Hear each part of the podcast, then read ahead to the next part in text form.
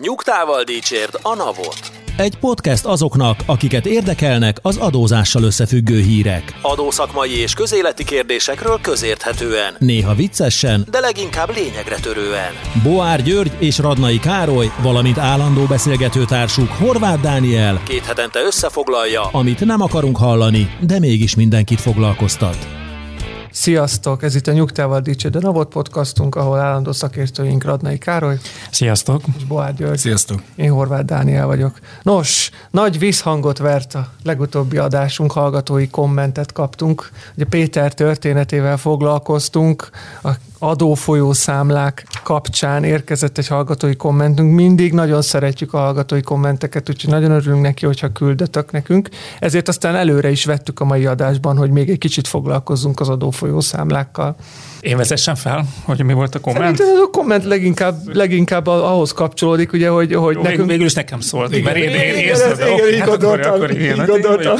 én Szóval arról szólt a komment, hogy a múltkor én jól előadtam, hogy micsoda hülye az a NAV, hogy 46 külön adófolyószámlát tart nyilván, és hogy miért nem elég egy, mert a 21. században most már a digitális társadalomban minden adott ahhoz, hogy megfelelő megjegyzés rovattal ellátva a NAV be. És aztán egy kedves hallgatónk írt egy hosszabb üzenetet, amiben egyrészt nagyon szépen köszönjük a kedves szavakat, amivel illette a műsorunkat, és hogy rendszeres hallgatónk, de ő egy, szolgáltató, egy nemzetközi szolgáltató központnál dolgozik, és rálátása van nem csak a magyar, hanem somó más külföldi adóhatóságnak a, az ügyeire is, vagy hát hogy a, a cégnek az ügyeire azoknál az adóhatóságoknál, és hát többek között az adófizetés mikéntjére is, és pont azt emelte ki, hogy magyar szempontból lehet, hogy egy, elsőre egy kicsit körülményesnek tűnik, hogy minden adónemre külön adófolyószámla van, viszont nyilvántartani és nyomon követni így sokkal könnyebb, míg egyébként vannak olyan adóhatóságok, olyan országok, amit, ö, amit én nehezményeztem, hogy Magyarország miért nem ilyen, ahol egy adófolyószámla van,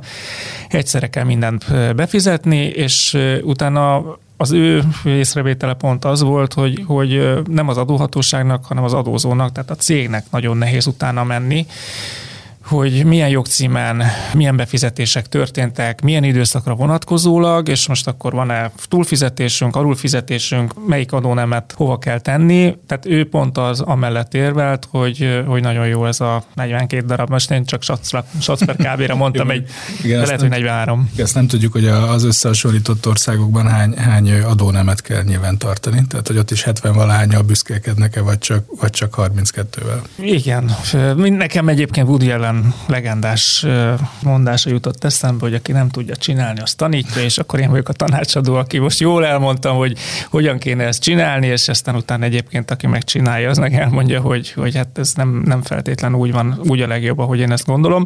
Úgyhogy nagyon szépen köszönjük ezt a konkrét észrevételt. Ettől én egyébként még nem szerettem meg ezt a rengeteg adófolyószámlát, tehát én még mindig azért azt gondolom, hogy lehetne ezen a dolgon egyszerűsíteni, meg hát az egész történet abból indult ki, hogy ha valaki szeretné ezt mondjuk egyszerűsíteni és egy helyre befizetni, akkor nem lehetne ezt megtenni.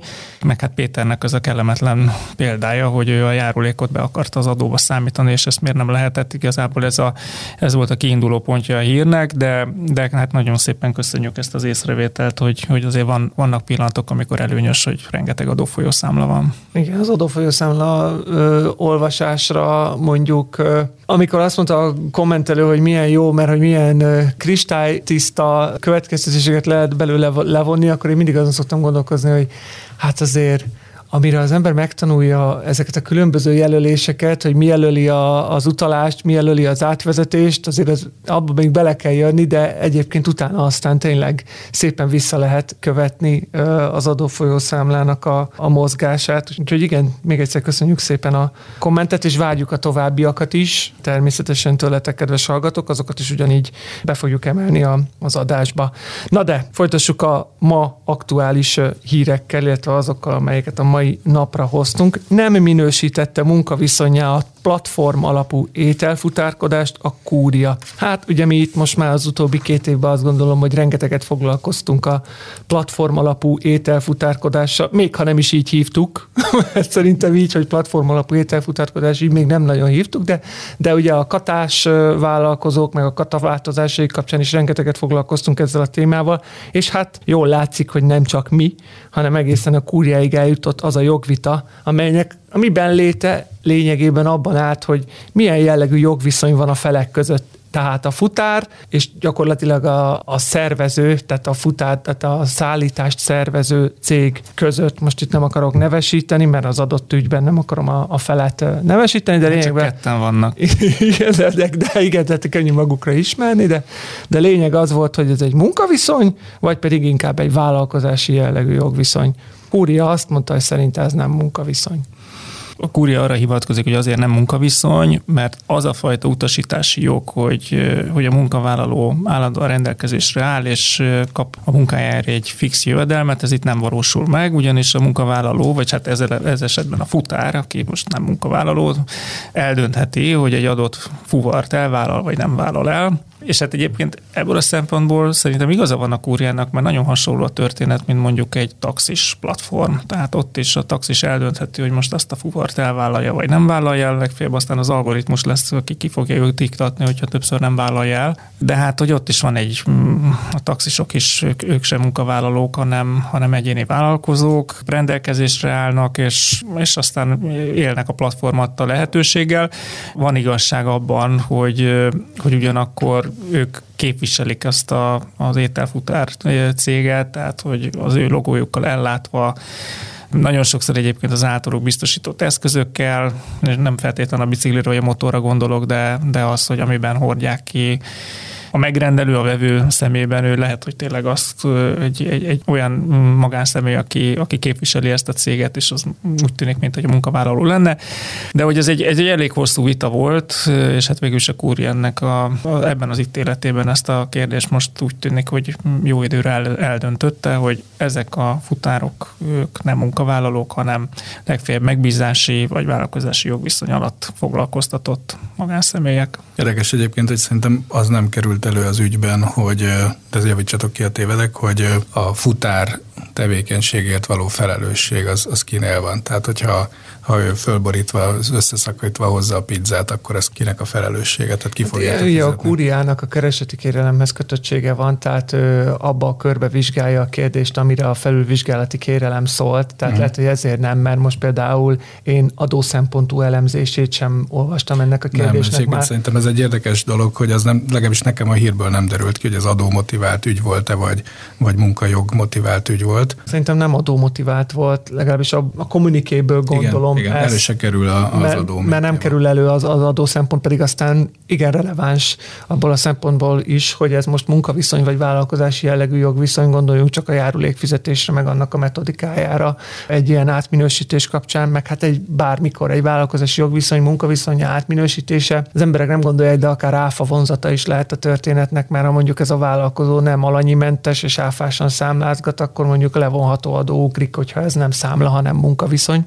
Ugye a másik oldalon. Rögtön ez a katásoknál a NAV-nál célkeresztbe volt évekig, de hát ott is egy ilyen hatos szempontrendszer volt az átminősítésre, és a gyakorlatban felettébb nehéz volt ezt megugorni egy adóhatósági vizsgálat során, hogy akkor kimutassuk, hogy a saját eszközeivel hogyan alakul az utasítási jog, van-e munkaidő, meghatározható-e, ki, kivel milyen függelmi viszonyban van, és munkaviszony jellegűvé minősíteni, az, az, az, az, egy, az egy rögös út volt. Én egyébként pont ezért nem csodálkozom azon, hogy ezt sem minősít erősítette munkaviszonyá a kúria, mert, mert az én tapasztalataim azok voltak, hogy ez mindig egy nagyon rögös út, egy vállalkozói jogviszonyt munkaviszonyá minősíteni. Nagyon sok elemnek kell együttesen stimmelnie ahhoz, hogy az munkaviszony legyen.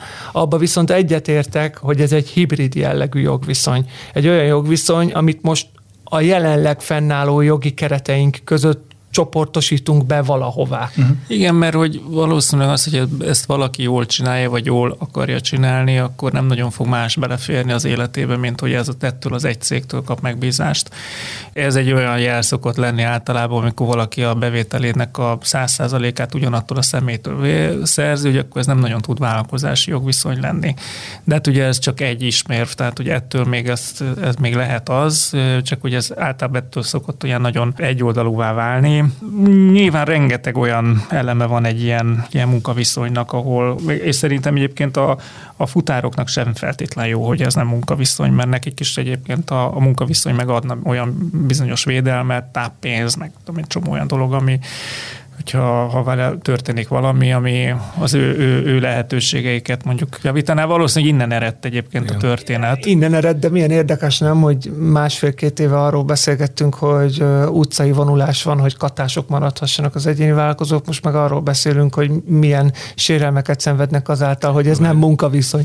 De jó, egy, egyetlen futár csak kérdeztünk meg a véleményéről, tehát hogy nem tudjuk, hogy a futárok, a, vagy akik ilyen helyzetben vannak, mit gondolnak a, a bírósági ítéletnek a jelentőségéről. Szerintem inkább az az érdekes, hogy ennek a, tehát nem akarom túlspirázni ennek az ítéletnek a jelentőségét, meg biztos van egy csomó nagyon fontos kúria ítélet, amiről nem beszélünk, de hogy szerintem ennek az ítéletnek igenis van adójogi, meg munkajogi, meg úgy egyébként egy társadalmi értelme vett jelentősége, mert hogy kitettünk most egy olyan problematikát az asztalra, amit kerülgettünk mi legalábbis személy szerint adójogi szempontból. Én szerintem azon annyira nem vagyunk meglepődve, hogy adójogilag ez vagy hogy oké, okay, ez nem egy adójogi ügy, de hogy adójogilag nem sikerül mondjuk munkaviszonyán minősíteni egy ilyen felállást. Nyilván lehet ezen vitatkozni, de szerintem azért ezt éreztük, amit a Dani is mondott, hogy, hogy elég bonyolult volt eddig is ez a szituáció. Szerintem a, munkajogi vagy a jogi jelentősége hatalmas ennek az egésznek, és, és a jelentősége ott valamit akar ezt kezdett el pedzegetni, hogy, hogy ez most valakinek megélhetési formája, és akkor kapcsolódik hozzá egy kiszolgáltatottság, mert azért szerintem ezért egy elég kemény meló lehet ezt, hogyha valaki full-time csinálja, vagy egy hétvégi vagy esti elfoglaltság arra, hogy, hogy extra pénzt csinálj. Hát igen, csak a minősítés az nem függvénye annak, hogy ez most egy part-time job, nem, vagy, egy, a, vagy egy, tehát hogy mert hogy ez, a, az, ez az ítélet a... is egységesen kezelte az olyan jogviszonyokat, ahol Abszolút. te ezt két órába csinálod, mert hogy pont azt mondta, hogy többek között azért is nem munkaviszony, mert nem meghatározott a munkaidő, hanem gyakorlatilag a futár dönti el, hogy ő most egy nap két fuvart vállal, vagy 12 órában nyomja. Hát meg, bár én sosem voltam futár, és nem ismerem az árazást, de gyanítom, hogy mondjuk ha valaki éjszaka futárkodik, több pénz jár neki, mint hogyha nappal, vagy hogyha ezt vasárnap csinálja, akkor több pénz jár neki, mint szerdán, mert hogy egyébként meg vasárnap, meg valószínűleg az ételfutároknak sokkal több a munkája is, mint, mint de passz, hát nem tudom, csak hogy, igen, hogy, tehát, hogy igen. van benne csomó olyan dolog, amit mondjuk a munkatörvénykönyve nem tud jól definiálni, mert hogy, hogy azt mondja, hogy a vasárnapot ki kell adni szabadnapra, vagy akkor meg kell válni. Tehát, hogy van, van csomó olyan dolog, amit egyszerűen erre a történetre nem lehet ráhúzni. Abszolút. Engem a legérdekesebb momentuma az volt ennek a történetnek, mert én eddig ennyire nem láttam bele ebbe a folyamatba, hogy 75 másodperce van eldönteni a futárnak, hogy vállalja a fuvart. Na, na most, ha ez munkaviszony lenne, akkor nem lenne kérdés, hogy eldöntse, hogy vállalja a fuvart. Tehát akkor az lenne a munkaszerződésében, meg az lenne a munkaköri leírásában, hogy ő elvisz. Te is eldöntheted, hogy elvállalsz egy ügyet. hát meg, meg nekem az jutott eszembe még, mint a filmgyártásnál volt ez a statiszta probléma, hogy, tehát, hogy valószínűleg a futárok között van egy tök nagy rotálás. Az nagyon nehéz kezelni, amikor valaki havonta egyszer-kétszer ugye szabad idejében akar futárkodni, és akkor ez most micsoda, ez most akkor határozatlan idejű jogviszony, tehát hogy akkor hogy teljesítmény arányosan fizetem, de hogy akkor ő egyébként a, az én alkalmazottam legyen, akkor mikor kellene nekem bejelenteni őt, akkor bejelentem, kijelentem, tehát hogy, hogy még ilyen szempontból sem nagyon tud működni ez, hogy most a, ha két havonta egyszer futárkodik nekem, akkor az most mi volt? Igen, ami szerintem mindenképpen látszik, záró gondolat a részemről, hogy a jogalkotónak itt sok dolga van. Tehát, hogy olyan jogviszonyok, meg olyan típusú munkajellegű jogviszonyok jelentek meg a gazdasági életben, amiket per pillanat nem kezel a jogszabály, vagy legalábbis most úgy csináljuk, hogy kezelje, mert valahova be kell lőnünk, de, de, de hogy nincs. De nem biztos, hogy jól kezel. De nem biztos, hogy jól. Úgyhogy a jogalkotónak itt ebben biztos, hogy dolga van, mert szerintem az nem, tehát hogy értem, hogy a kúria a legfelsőbb bírói fórum, de ennek a kérdésnek nem feltétlenül ott kellene eldölni, hanem a jogalkotó. Igen, mert régen mondjuk voltak futárcégek, de ők ugye egy külső szervező volt, ők nyilván valamilyen állandó megbízásuk volt, és akkor ugye a futárcégnek is az volt az érdeke, hogy akkor tudja, hogy a Józsi, a Tóni meg a Laci, akkor ma reggel itt lesznek nyolckor, és akkor kiadom nekik akkor a csomagokat, hogy mit hova vigyenek el. Van egy beosztás, de hogy itt a, ezeken a platform alapúaknál, tehát a be- és kilépés teljesen digitális, már igazából nem kontrollálható a kvázi szervező munkáltató által, tehát hogy bárki lehet és eseti jelleggel lehet értékelni, gondolom, aki nem jól teljesít, vagy kárt okoz, azt akkor ki lehet zárni. Abszolút van. Van egy ilyen teljesítmény alapú része is a díjazásnak, tehát az óradíj mellett egy teljesítmény alapú díj is van, úgyhogy abszolút eleme, eleme a vissza. Szóval, hogy, hogy nagyon jól mondod, Dani, hogy valószínűleg az élet még majd fog hozni újabb és újabb olyan szituációkat, ahol nem csak új szakmák, hanem új foglalkoztatási formák jelennek meg. Záró gondolatként egy kis kultúrkitekintés van, egy angol film, a Sorry We Missed You című film, ami a futárkodásnak az, a, az árnyoldalaival és a problémáival foglalkozik. Állítólag szuper film, én még nem láttam, de bátran merem ajánlani a rendező ismerete fényében. Köszönjük szépen a tippet, Gyuri. Hát én biztos meg fogom nézni ezt a filmet, mert én még nem láttam, de tényleg ajánljuk mindenkinek. És ahogy említetted, ez egy fontos kúriai ítélet volt, és továbbiakban is kúriai ítéletekkel szeretnénk foglalkozni, mert azt gondoljuk, hogy mint legfelsőbb bírói fórum, ez nagyon fontos, hogy ezeket is feldolgozzuk. És hát a következő ügy is ilyen, ilyen lesz. Áfával foglalkozunk még hozzá, méghozzá a jogszabályváltozásokkal és azoknak a lehetséges kihatásával az adásvétel, illetve egyéb szerződésekre. A kúria ebben a kérdésben döntött úgy, hogy a jogszabály utólagos változása gyakorlatilag nem lehet alapja egy szerződés módosításnak, hiszen a az adózás, illetve az adózási jogviszonyok azok közjogi jogviszonyok, míg a szerződések azok polgárjogi jogviszonyok. Igen, hát a tényállás, ha jól értettem az ügyet, akkor körülbelül az, hogy kötött valaki egy ingatlan kivitelezővel adásvételi szerződést, amiben megállapították, hogy a vételár az a, a nettó vételár plusz 27 százalék áfa lesz, és közben pedig változott a jogszabály, és az áfa kötelezettség az eladónak 5 százalékra csökkent, viszont a vételárat nem módosították, ugye? Tehát, hogy Igen, ugye mi is a... itt már többször foglalkoztunk az 5 százalékos lakásáfával. Hát meg a Túró Rudi 27 százalékos áfájával, igen, 18 igen, és lemegy a Túró Túró Rudiára majd. Igen, most épp ebbe az ítéletbe az 5%-os lakásáfa, de lehetne a Túró Rudi is. Itt az 5%-os lakásáfa az érdekes, mert ugye 2016-tól jött be ez a kedvezményes adómérték, és itt a felek előtte kötötték a szerződést. Voltak olyan vételár részek, amik 2016 előtt voltak esedékesek, meg olyan vételár részek, amik 2016 után. Én, ha, ha, ha jól olvastam ezt azért, hogy tehát a lényeg az volt, hogy ugye bruttó vételárba állapodtak Igen. a felek, tehát, hogy azt mondták, hogy a lakás az 39 millió forintba fog kerülni, amit egyébként, nem tudom, zárójelbe odaírtak, hogy egyébként a vállalkozó ezt úgy számolta ki, hogy akkor az ennyi nettó plusz áfa, és hogy akkor fog majd számlázni, és akkor 30% vételár előleg, aztán uh-huh. mindegy, és a lényeg az, hogy közben meg ugye lement a 27%-os áfa 5%-ra, és, és a, az ár és ott maradt a vállalkozónál, és a, a vevő meg azt szerette volna, hogy olcsóbb legyen a lakása, a vállalkozó meg nem akarta, hogy olcsóbb legyen, olcsóbb legyen a lakás, mert hogy valószínűleg közben közben mentek fel az építőanyagárak, és neki ez nagyon jó jött, hogy akkor a, megnőhetett az árése, és hát itt lényegében erről szólt ez az ítélet, hogy hogy ez nem minősül jogalap nélküli gazdagodásnak, hogyha ők a bruttó vételárban állapodtak meg, akkor ez a vállalkozó kockázata, hogyha közben elmászik az áfa kulcs rossz irányba, akkor is neki tartani kell a bruttó vételárat, illetve hogyha a másik irányba, akkor ez meg az ő, akkor meg a, ez egy biztonságot adott a vevőnek, és egy kockázatot, meg egy lehetőséget hordozott a, a, a vállalkozónak. Két megjegyzés sem lenne ezzel kapcsolatban, ezzel az ügyel kapcsolatban, hogy ez gazdagodás, csak nem jogalap nélküli, mert igazából ott maradt a, a 22% mhm. áfa az építőnél, tehát a vállalkozónál, egyszerűen nem lehetett tudni akkor, amikor ők megállapodtak bruttó árban, hogy hogyan fog változni az áfa Szerintem ez egy kérdés. Mert vagy, vagy kérdés, hogy lehetett... Az, hogyha jól láttam, akkor október 16-án kötötték meg az adásvételit, és, 10, ugye, és 16. január 1-től változott az áfa kulcs. Most nem emlékszem, hogy 2015-ben az őszi adócsomag mikor jelent meg, meg az 5%-os Hát az már egy másik pertárgya lenne, hogy megtévesztette. Mert azon gondolkodtam, hogy, azon gondolkodtam, hogy értem a felperesi igényt egyébként, csak hogy mi lehetett az a az a pont, ami el, elvitte őt addig, hogy, hogy ebből pert csináljon. Hát az, hogy felhívta a vállalkozót, hogy adja oda vissza a pénzt. Lehet, hogy ilyen egyszerű, nem. csak azon gondolkodtam, hogy esetleg már mondjuk lehetett tudni, hogy 5%-ra fog csökkenni az áfa, és hogy egy rossz hiszeműséget sejtett hát én, én, ezt sejtem az egész, mert amikor te perre mész egy ilyen miatt a vállalkozó, akkor az azt jelenti, hogy ott valamire nagyon megsértődtél, tehát valószínűleg az lehetett, hogy már tudták azt, hogy jön az 5%-os áfa, és akkor megkérdezte a vevő, hogy de ha 5% lesz, akkor ugye olcsóbb lesz, és persze olcsóbb olcsóbb lesz, aztán nem lett olcsóbb.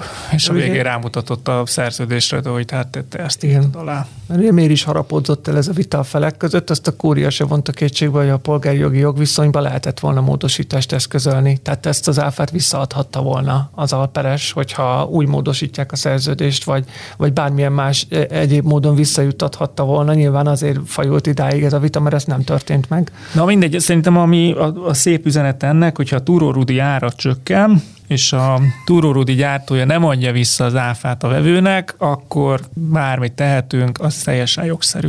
Én ezt a túrórudi esetében úgy tudom elképzelni, hogy kiveszed a hűtőből, akkor még 27%-os áfa, de mire odaérsz a pénztárhoz, már csak 18, és akkor vitatkozol, hogy miért, mit csárgyoljanak. A túrórudi nem biztos, hogy megfelelő példa erre az esetre.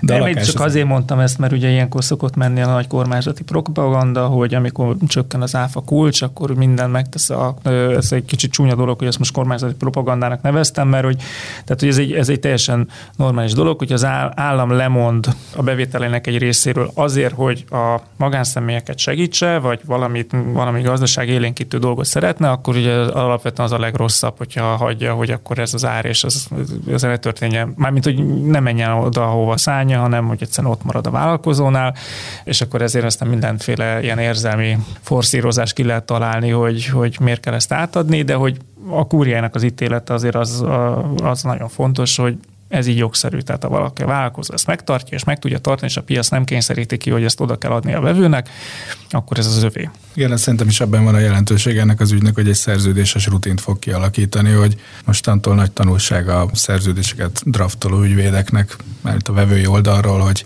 érdemes ezt a lehetőséget, vagy ezt a, ezt a tényállást valahogy belefoglalni a szerződésbe és figyelni a lehetséges változásokra. Abszolút. Hát ha már a gazdasági életváltozásairól beszélgettünk itt egy korábbi hír kapcsán, illetve illetve ennek az alakulásáról. Ehhez kapcsolódik a következő hírünk is. A digitális társaság ez egy olyan fogalom lesz, amivel most megbarátkozhatunk. Ugyanis az asztalon van egy olyan jogszabálytervezet, amelyik a digitális társaságokat csábítaná Magyarországra. Melyek is ezek a digitális társaságok? Olyan korlátolt felelősségű társaság vagy részvénytársaság, amely technológiai intenzív informatikai fejlesztési tevékenységekre, okos szerződések alkalmazhatóságára, kiberbiztonságra, infokommunikációs, kutatásfejlesztési és innovációs tevékenységekre építi a tevékenységét. Ez lehet digitális társaság, komoly adókedvezményeket adna ezeknek a kormányzat, ezeknek a társaságoknak, hogyha Magyarországra jönnek. Jó, na, szóval, hogy ez egy, ez most egy olyan része lesz, amikor nem biztos, hogy meg fogom tudni a nyugalmat őrizni. Én mindig ideges leszek, amikor jön egy új adójogszabály, és ez nem a pénzügyminisztériumtól jön. Még akkor is, hogyha ezt most az EU igényei szerint társadalmi egyeztetésre bocsátották, egy kis probléma, hogy december 22-én azzal, hogy december 31-ig lehetett kommentálni, amiben volt öt munkaszüneti nap, nem feltétlen adták meg a lehetőséget a társadalmi egyeztetésre, és hát ahogy én sem tudtam erről, valószínűleg elég sokan mások sem, és aztán mi is az újsághírekből tudtuk meg, hogy készül egy ilyen jogszabály. Miről szól az adókedvezmény? Két adókedvezményt adnának ezeknek a digitális cégeknek. Az egyik az, hogy a, az általuk foglalkoztatott munkavállalók után nem kellene fizetniek szociális hozzájárulási adót, csak a munkavállalóktól vonnának le 15 akkor most itt mindenki kapaszkodjon meg kükhót. Ez is egy új fogalom. Különleges közteher viselési hozzájárulás. Lényegében lemásolták az ECHO-t egy az egyben, tehát pontosan ugyanúgy funkcionál, ahogy az ECHO működik, de ezt nem ECHO-nak hívják, hanem kükhónak. Ezt sem értem, hogy miért nem voltak képesek egy hogy az ECO rendszerébe legalább ezt beintegrálják, miért kell erre egy külön adónemet létrehozni, illetve nem fog fizetni iparüzési adót sem. Amit gondolom azzal indokolnak, hogy hát egy digitális vállalkozás az igazából a felhőben van, az nem kötődik semmilyen, de hát mondjuk ettől még a digitális vállalkozásnak lehetnek irodái, meg hogyha a digitális nomádokra is építenek, akkor is a munkavégzés helye fogja meghatározni azt, hogy hol fizetnek adót, tehát hogyha ezt a kükhót szeretnénk tőlük beszedni, tehát SZIA-t, illetve járulékot, akkor nekik ugye Magyarországon kell dolgozni, mert hogyha egyébként ők mondjuk Kínában, Fülöp-szigeteken, Ukrajnában bárhol dolgoznak, akkor akkor nem kellene fizetni se magyar SZIA-t, se magyar járulékot. A szocót azt lehet, hogy kellene fizetni, de hogy, na mindegy, tehát hogy ebben van egy ilyen tök nagy ellenmondás, hogy hát ez a digitális cég azért mégiscsak Magyarországon fog létezni. Bocsánat, csak annyi, hogy a mobil távközlési, vagy a távközlési cégeknek a, a HIPA alapjára ugye saját speciális szabály van, hogy hogy mégiscsak fizessenek hipát ott, ahol fogyasztók vannak zárójel bezárva. Tehát van erre technika. Hát igen. Na, és akkor ugye, szóval ugye elkezdtem olvasni ezt a jogszabályt, és ugye egyre inkább az volt az érzésem, hogy hát a gombhoz varták a kabátot, tehát hogy ilyen, ilyen egészen extrém dolgok vannak benne, tehát van ez a dolog, hogy kiberbiztonság, okos szerződések, digitális kutatásfejlesztés és stb. De azért megnézzük azt, hogy, hogy végül is hogyan definiáljuk azt, hogy is az a digitális társaság, akkor kiderül, hogy hát azok olyan társaságok, akkor fő tevékenysége mondjuk például az elektronikai eszközök gyártása, informatikai szolgáltatások nyújtása, chipgyártás, a többi olyan leginkább gyártási vagy, vagy informatikai szolgáltatás, amit egyébként nagyon sok más cég is végezhet, tehát ettől még nem lesz ez digitális társaság, és ugye az a, a mondás, hogy ugye ezek attól lesznek digitális társaságok, hogy a jogszabály azért részesíti őket előnybe, mert ők a kutatásfejlesztésüket és a, a, az így megszerzett tudásukat azt meg, meg, meg, meg kell osztaniuk a hatósággal, meg a piacsal. De hát semmi nem kötelezi őket, hogy ő egyébként ilyen tevékenységet végezzen. Tehát, hogy itt nekem ebből a jogszabályból ez nem tehát hogy végez ilyen tevékenységet, de az, hogy tehát a fő tevékenysége nem ez, tehát ott fel vannak sorolva nevesített, tehát aki, aki mondjuk elektronikai eszközök gyártásával foglalkozik, az, az gyárt. Tehát, hogy az végezhet kutatásfejlesztést is, de hát ha nem végez, akkor nincs mit megosztani a hatósággal. És aztán utána jönnek ezek az egészen furcsa dolgok, hogy az minősül digitális vállalkozásnak, akinek a munkavállalóinak a 60%-a EGT tagországon kívüli. És akkor én itt, itt, itt ledobtam a láncot, tehát hogy, hogy adunk kedvezményt egy olyan cégnek, tehát egy magyar vállalkozás magyar munkavállalókkal nem kaphatja meg azt a kedvezményt, amit egy olyan cég megkaphat, aminek a munkavállalóinak 60%-a EGT országon kívüli. Még nem is EU. Tehát, hogy ez szerintem ez olyan negatív diszkrimináció a, a belföld, belső piacra, nem is értem. Tehát, hogy hogy jutottunk el onnan, hogy tíz évvel ezelőtt arról harsogott a média, hogy jönnek a migránsok és a gazdasági bevándorlók, és elveszik a, a munkánkat oda, hogy most lényegében adókedvezményeket adunk azoknak a cégeknek, akik kifejezetten LGT országon kívüli munkavállalókat alkalmaznak, amit egyébként a magyar piacon régóta működő cégek meg nem kaphatnak meg. Tehát szerintem ez nettó versenytorzító. Nekem nagyon hasonló ahhoz a 24 hónapos szocó kedvezményhez, amit pedig egyébként a, az első, a munkaerőpiacra történő belépés esetén adnak, a, amit így most terjesztettek ki. Tehát valahogy az az érzésem, mint hogyha itt lenne egy iparág, ahol arról szólna a dolog, hogy hozzunk be külföldi munkavállalókat EU kívülről, és hogy hogy ezt ne csak a, a gazdasági észszerűség hajtsa, hanem még adjunk hozzá kedvezményeket is. És akkor csak megyek tovább a, a problémáimba, hogy utána még azt is látom, hogy ennek lesz egy hatósága, ahol engedélyt kell adni, de ezt a hatóságot kiszervezik. Alapítványi formába, még csak, hogy véletlenül se kaphassunk az utána adatot arról, hogy tehát lesz egy hatósági regiszter, ahol meg lehet ismerni, hogy egyébként ez a cég, ez digitális társaság, de ezt tudom pont. És utána az a döntéshozatal, hogy kit fogadnak el ilyennek, meg kit nem fogadnak el, és mi alapján fogadják el a pályázatát annak, hogy az már nem lesz megismerhető, és az egy alapítványi formába kiszervezett, nagyon biztosan nagyon magas szakmai színvonalon elvégzett munka lesz, de hogy erre miért van szükség? Miért nem jó a mostani hatósági rendszer arra, hogy vannak, vannak kormányhivatalok? Mi az a különleges tudás, amit... Na és akkor innentől kezdve csak, csak rossz érzésem van ezzel az egész történettel kapcsolatban, mert az az érzésem, hogy itt van valami olyan történet, amit már a kormány tud, vagy a megfelelő emberek már tudnak, ahhoz csinálunk most egy jogszabályt, hogy mi bebiztosítsuk annak a jogszabályi környezetét, hogy az egy ilyen viszonylag korlátozott számú és részvételű cégek vehessenek ezen, ezen részt. És akkor ne legyen majd igazam, de hogy ilyen jogszabályt nem szabad hozni. Tehát egy normális országban, tudom, hogy nem normális országban élünk, de egy normális országban ilyen jogszabályt nem lehet hozni. Tehát, hogy, és mondom, tehát a, a, a versenytorzító része az az, ami engem legjobban felhúzott, hogy hogy mi az, hogy, hogy, hogy azokat a cégeket, akik itt vannak a magyar piacon, azokat hátrányosabb helyzetbe hozzuk azokkal, akik egyébként EU kívülről akarnak munkavállalókat behozni. Hát illetve mi lesz a magyar informatikusokkal, nem csak a cégekkel. Tehát, hogy... De várjatok, tehát, hogy próbáljunk már egy, egy, egy példát keresni arra, hogy ez hogy működik, mert ezen gondolkodtam, ahogy, ahogy olvastam meg, ahogy most mondtad a, a kommentjeidet. By the way, szerintem ilyen világon már nincs, hogy normális ország, zárójelbe zárva.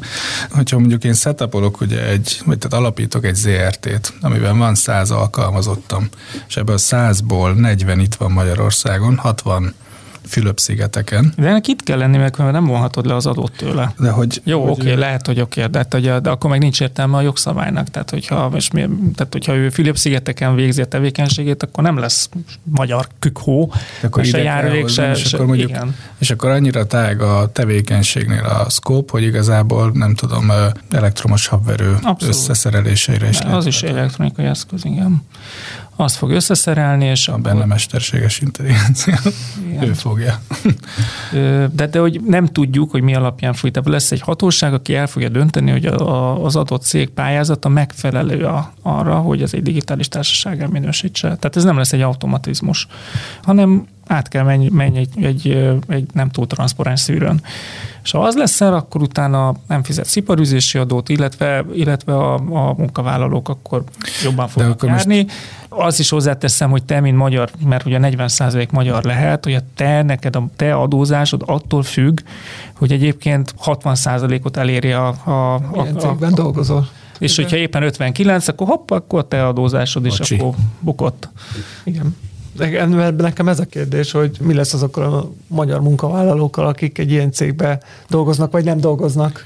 Bekerül egy szubjektív elem abba, hogy hogyan adózol. Tehát, hogy milyen adóalany vagy tulajdonképpen. Igen, mert lemásolták az ECHO-t, tehát Azt. ugyanúgy nem kötelező, hanem választható. Most nem néztem utána, hogy, de gondolom ugyanaz van, hogy a táppénz csak félig jár, de hogy ugyanaz van, hogy 9,5% az SZIA tartalom és 5,5% a járuléktartalom, tehát hogy dettó ugyanaz van, hogy a EGT országon kívüliek egyébként csak 90, tehát hogyha ha igazolják, hogy ők biztosítottak, és bocsánat, EGT országosok, hogy igazolják, hogy nekik van biztosítotti státuszuk a másik tagország, Magyarországban, akkor csak 9,5 százalék, teljesen ugyanaz, mint az ECHO, de hogy nem, nem állnak fenn az alapfeltételek, akkor viszont már nem is tudod választani. Tehát, hogyha kiesik, kiszalad alólad a cég, akkor neked a te adózásod is megváltozik. És akkor nem, nem 15 százalék, hanem akkor 15 százalék SZIA plusz 18,5 százalék járulék. Én is azt gondolom, hogy visszacsatlakozva arra, amit az elején mondta, hogy a gombhoz varják a kabátot, itt van egy igény, amiről mi most még nem tudunk, amit ki kell szolgálni. Ez a jogszabály meg tervezett, ez egyelőre meg olyan, amilyen. Aztán lehet, hogy ez majd még, mert ugye még, még, még, még benyújtásra se került hivatalosan ez a, ez a javaslat, tehát hogy lezajlott a társadalmi egyeztetés, mondjuk úgy, mert hogy már nem lehet becsatornázni vélemény, de maga a jogszabályjavaslat még nem került benyújtásra.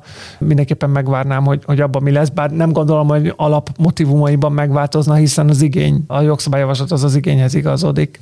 De így ebben a formában tényleg olyan logikai ellentmondások vannak benne, amiket nehéz feloldani.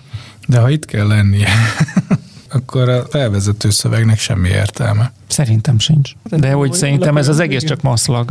Igen. Tehát ez az egész digitális, ez a okos szerződések, meg a kiberbiztonság, mert hogy utána a fő tevékenység, ahol föl van sorolva, hogy mivel kell foglalkozni ezeknek a cégeknek, ott az informatikai szolgáltatás az egyetlen. Van 20 darab fő tevékenység lehetséges, és abból az informatikai szolgáltatás csak egy. A többi 19 az, az, az teljesen más. Igen, hát fogunk ezzel még foglalkozni mindenképpen, tehát meg még lesznek is következő lépcsőfokok, addig, ameddig ebből hatályos jogszabály lesz, úgyhogy bőven lesz még azt gondolom időnk arra, hogy ezt egyrészt emészszük, másrészt a végleges formájával megismerkedjünk, úgyhogy most egyelőre ennyit lehet tudni, úgyhogy nem csoda, hogy mi is egy kicsit a sötétben tapogatózunk egyelőre ezzel kapcsolatban.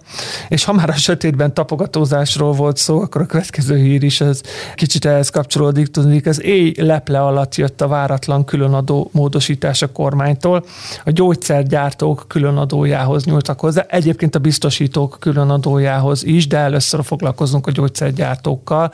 Ugye ők már korábban is, tehát 2022-ben kaptak egy különadót, eddig is fizettek különböző speciális közterheket, 2022-ben kaptak egy különadót, ahhoz is többször hozzányúltak már a, a mértékéhez is, meg az időbeli hatájához is. Először úgy volt, hogy csak 22-23-ra kell fizetni, majd aztán már 24-re is kell, és most kaptak még egy különadót, ez már extra profit adónak nevezi a jogalkotó, viszont egy kicsit átgondoltabbnak tűnik, a, hogyha az ember a sorok közé olvas, akkor például globális minimumadó szempontból, meg elszámolás szempontjából ez az új koncepció. És szerintem ők hallgatták a podcastunkat, mert pár adással ezelőtt pont Dani fakadt ki, hogy de hát, hogy miért nem a globális minimumadóra vannak ezek a különadók rászabva, és hát végül is meghallották azt, a, ami egyébként egy teljesen logikus dolog. Picit egy lépéssel hátrébb, tehát hogy a Magyarországon a, a gyógyszergyártó ágazat, az egy stratégiai ágazat, és ezt nem én mondom, hanem ez egy, egy gazdasági tényszerűség, hogy Magyarországon a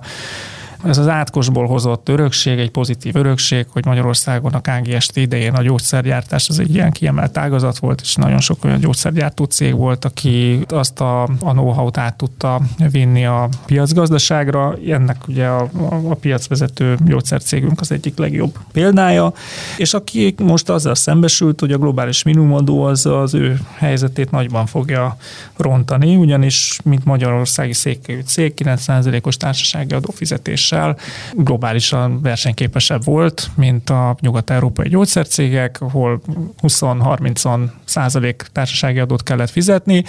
Nyilván az EBITDA szempontjából ez irreleváns, viszont a visszaforgatható jövedelem szempontjából egyáltalán nem. Tehát hosszú távon azért ez egy nagyon fontos dolog, hogy mennyi társasági adót fizetnek ezek a cégek.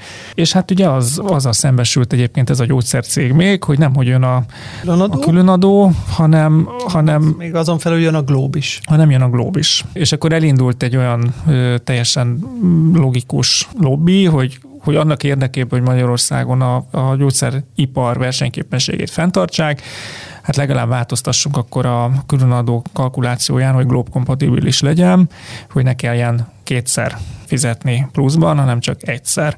És hát igazából ezt látjuk, fél évvel ezelőtt láttuk ugyanezt a bankokra, amikor a banki különadót alakították át, és most akkor eljutott a, az üzenet oda, hogy akkor a gyógyszercégeknél is átalakítják, azzal, hogy azért itt csak az iparűzési adó alapjáig jutottak el. Tehát, hogy Igen. itt nem, nem jutottak el egy olyan profit alapú rendszerig, mint ami a banki különadónál van, ahol azért mindig el szoktuk mondani, hogy még mindig nem vagyunk százszerzalékban biztosak abban, hogy a Globe kompatibilis az iparizési adó, mert bár a magyar jogszabály tartalmazza, de...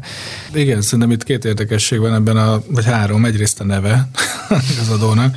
Kükho után már amúgy annyira nem, nem is érdekes, hogy ez egy extra profit adó, és semmi extra és semmi profit nincs benne, de amúgy érdekes a név. Másik, hogy, hogy tényleg a glob motiváltság az és a, hogy mondjam, a hátradőlése mögött ott lehet-e.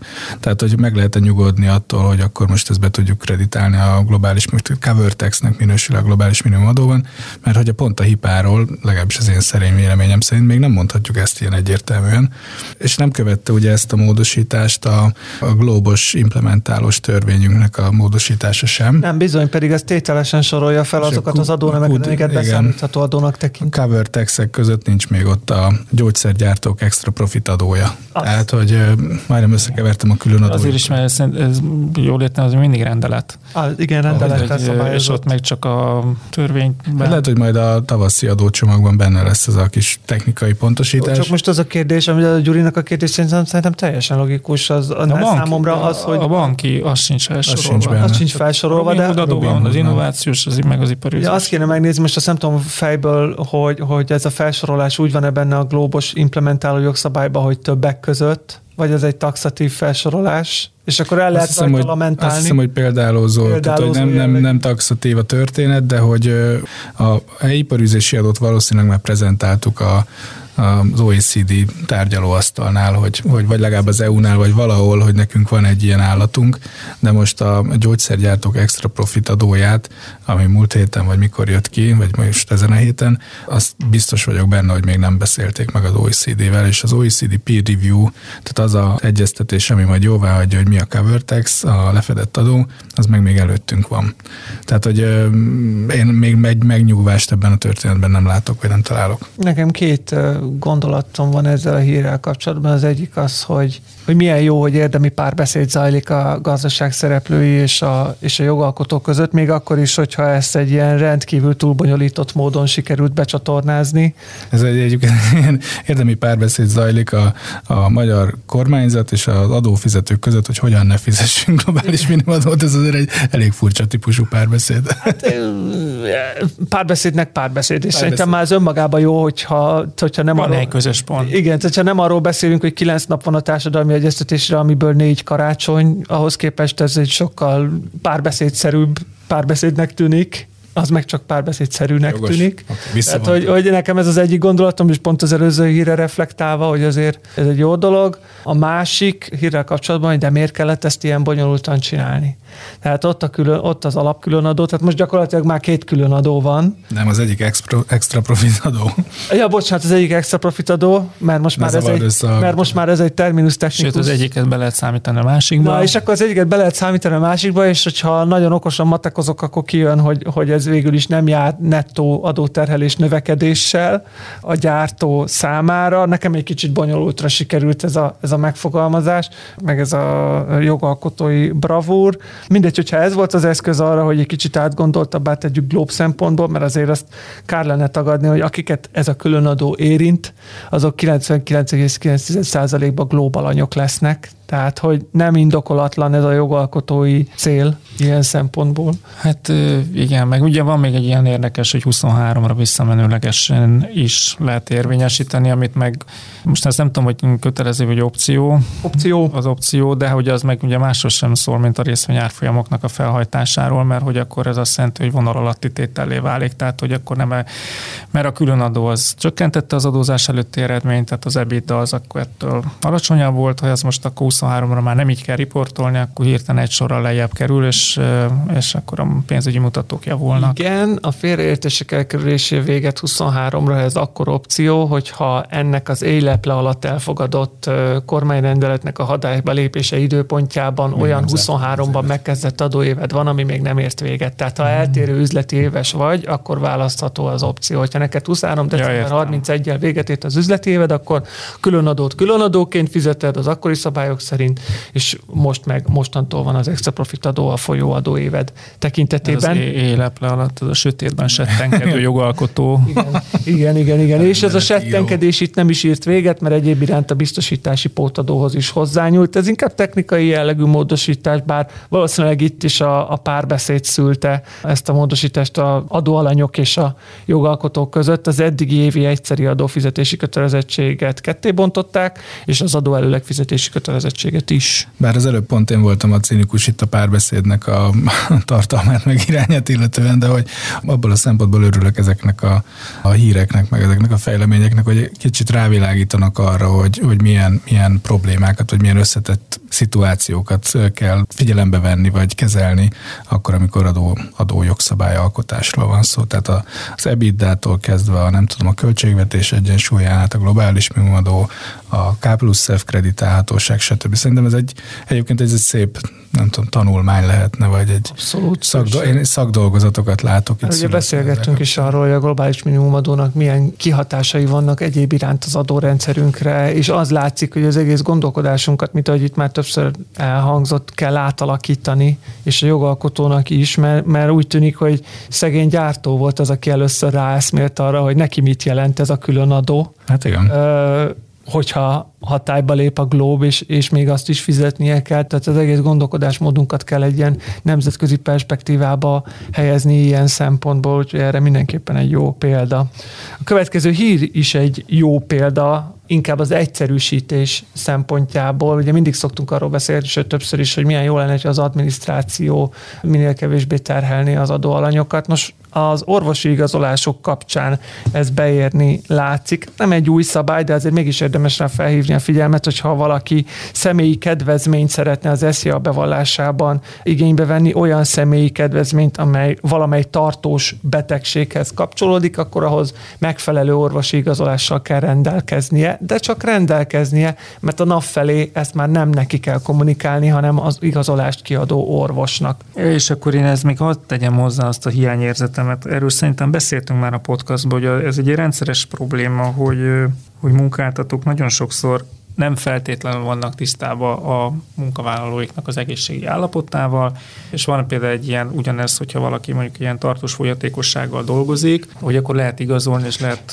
rehabilitációs hozzájárulás alól mentességet kapni, meg mindenféle emlékeim szerint szociókedvezményt is lehet kapni, de hogy általában ott szokott elbukni a dolog, hogy a munkavállaló nem partner ebben, mert nem akarja a munkáltatónak elmondani, hogy neki ilyen és ilyen fogyatékosságai vannak, mert mi történik akkor, hogyha ha ez kiderül a munkáltató számára, és akkor azt mondja a munkáltató, hogy hát akkor akkor lehet, hogy én keresek egy másik munkavállalót. Tehát, van egy ilyen morális aggály, ami, ami ezt az egész adókedvezménynek az érvényesíthetőségét. És ugye én e felé látok egy kis lépést, hogy ugye ezt már többször szakmai kamarákban is én is, meg mások is hangoztatták, hogy a TB pontosan látja mindenkiről az egészségi állapotát, meg hogy milyen egyébként szociális ellátásra jogosult, meg milyen, egyáltalán mi a korképe, és ugye a NAV meg pontosan tudja azt is, és egy adatbázison ülnek, hogy ez a magánszemélyhez foglalkoztatva van-e valahol, hogy ezeknek a magánszemélyeknek a foglalkoztatását ilyen módon is lehetne támogatni, hogy ezeket automatikussá teszik. Tehát, hogy a NAV nem kezdi mérlegelni, hogy benyújtották a kérelmet, meg hogy jogosult-e, hanem ő tisztán látja, hogy valaki jogosult. És a munkáltatónak meg nem feltétlen kell tudni, hogy ki volt az a munkavállalója, aki után ő kedvezményt kapott. Egyszerűen csak közlik vele, hogy a statisztikai létszámával a 96 munkavállalójából kettő olyan, aki erre jogosult, és akkor ezeket nem kell fizetned rehabilitációs hozzájárulást, pont. Tehát, hogy lehetne egy ilyen rendszert működtetni. Nyilván azt akkor nem lehet közvetlenül ösztönözni, hogy valaki ténylegesen felvegyen olyan embert, aki, mert hogy nem fogod feltétlenül tudni, mint munkáltató, hogy azután a munkavállaló után ez jár, bár egyébként ez se lenne kizárt, hogy ezt tevőlegesen is így, így jelenst. Na mindegy, kicsit sokat beszéltem a dologról, csak azt látom, hogy e, ebbe az irányba egy apró lépés az, hogy most még nem is a munkáltatók, de már legalább a magánszemély irányába azt mondja a hogy oké, okay, tehát hogyha te tisztában vagy azzal, hogy neked ilyen az állapotod, akkor te ezt az kedvezményt igénybe veheted, és hogyha majd ellenőrzés van, akkor majd, majd az orvoson keresztül ezt ellenőrizzük, de, de neked ezzel további teendőd nincs. Hát illetve két nagyon fontos teendő van, amire nem, nem a figyelmet szeretném felhívni, csak ami ettől függetlenül még fennáll, hogyha ilyen személyi kedvezményt szeretnénk érvényesíteni. Az egyik az, hogy ne csak mi tudjunk arról, hogy laktózérzékenyek vagyunk, hanem tudjon róla az orvos is. Mert azok mi vagyunk, akiknek el kell menni az orvoshoz, hogy ki tudja állítani ezt az igazolást. És ez Arra egyébként... még az a baj, hogy a, még nem jár a rehabilitációs hozzájárulásmentesség. Csak egy példa lehetne, lehetne más példát is. Más példát De ha a félkarodat levágod, akkor... Igen, tehát hogy lehetne más példát is hozni tartós betegségre, csak azt mondom, hogy, hogy e az indikátora, az indikátora ennek a magánszemély, ez az egyik, ami nagyon fontos. A másik meg, hogy azért azért az adóalany is a magánszemély, aki ezt a személyi kedvezményt érvényesíti, tehát azért ezt az orvosi igazolást ezt meg kell őrizni elévülési ideig. Nem mintha ennek olyan nagy jelentősége kellene, hogy legyen, hiszen, ahogy mondtad, a NAV is tud róla. Jó, de most már minden ott van az esztában, tehát hogy azért, és akkor mindjárt ott fogok tartani, hogy miért van 42 darab adófolyószámla, de hogy, hogy, hogy azért ezek az, ada, ezek az adatok, ezek oda, ezeket össze lehet szépen gerebjézni, és hogy, hogy mindenkinek egyszerűbb az élete. Most a, azon kívül, hogyha arra bazírozunk, hogy járna valakinek kedvezmény, de nem szórunk neki, és ezt megtartjuk magunknak, ami nem egy túl előremutató megoldás, hogyha ha ezt átfordítjuk oda, hogy, hogy járjon mindenki jól, tehát ha adom, akarom ezt a kedvezményt adni, akkor jusson el a kedvezmény ahhoz, akinek, és akkor neki azzal kell, egyrészt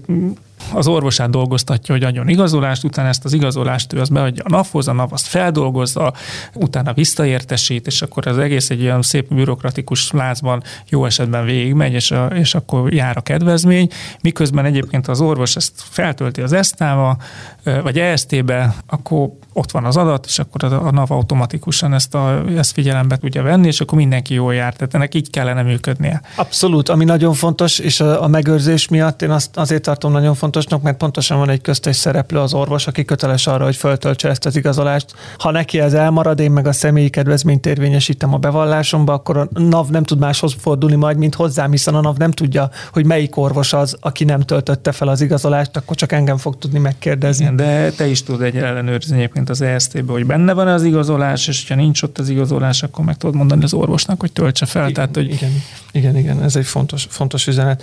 Ha már a mai adást egyébként áthatott a, a digitalizáció, akkor keretes szerkezettel egy ilyen hírrel is fogjuk zárni. Úgy tűnik mégsem startol az elektronikus számla és a digitális adatszolgáltatás reform. Ez a What in the Digital Age nevű javaslata az Európai Bizottságnak, vagy hát nevezzük ezt inkább javaslat csomagnak, többször is szóba került már az adásaink során, és mindig tényként kezeltük, hogy ez jönni fog, az elektronikus számla fogalma átalakul, hogy kötelező adatszolgáltatás fogja érinteni a közösségen belüli ügyleteket.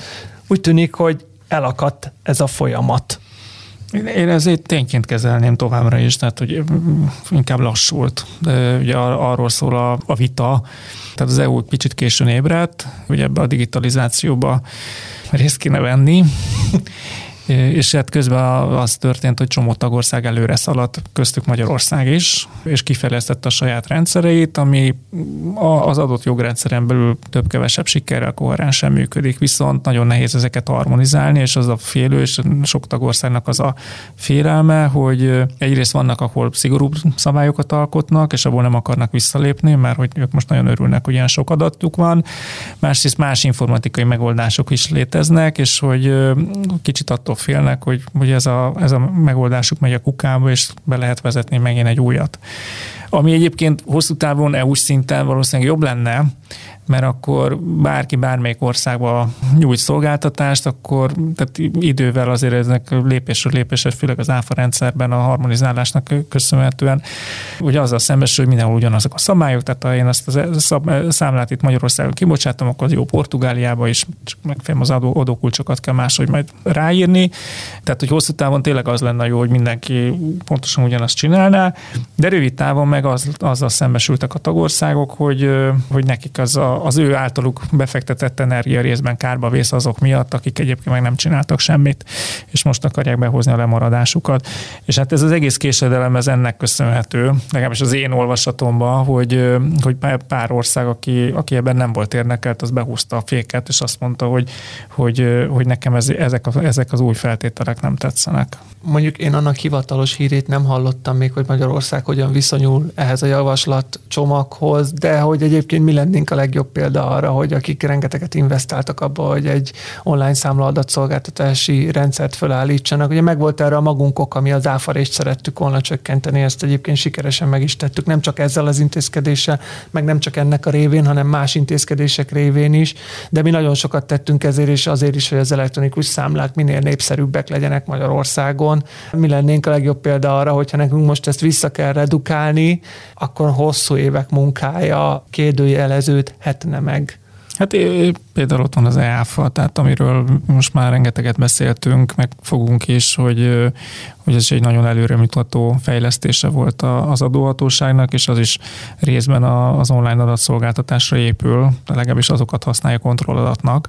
Tehát, hogy a, az EAFA kiajánlás az az online számlaadatszolgáltatásból kapott információkon alapul, illetve hogyha valaki gép-gép kapcsolat alapján szolgáltat adatot, akkor ott az, az, az egy egyértelmű kontrolladat, hogy megnézik, hogy egyébként oké, okay, ez az áfa analitika, de mondjuk az adóhatóságnál az online számladatokból mi jön neki, és hogyha vannak eltérések, akkor azonnal arra tudnak rámenni. Hogyha az online számló szolgáltatást abban a struktúrába kivesszük, akkor dől az egész EAFA rendszer is. Igen, illetve meg az is egy érdekes dolog lenne, hogyha a belföldi ügyletekre sokkal szigorúbb online számla adatszolgáltatási szabályok vonatkoznának, mint a közösségi ügyletekre, mert hogy a mi online számla adatszolgáltatásunk az részletesebb adatstruktúrát kívánna meg, mint amit itt a What in the Digital Age-ben a közösségi ügyletek kapcsán Igen.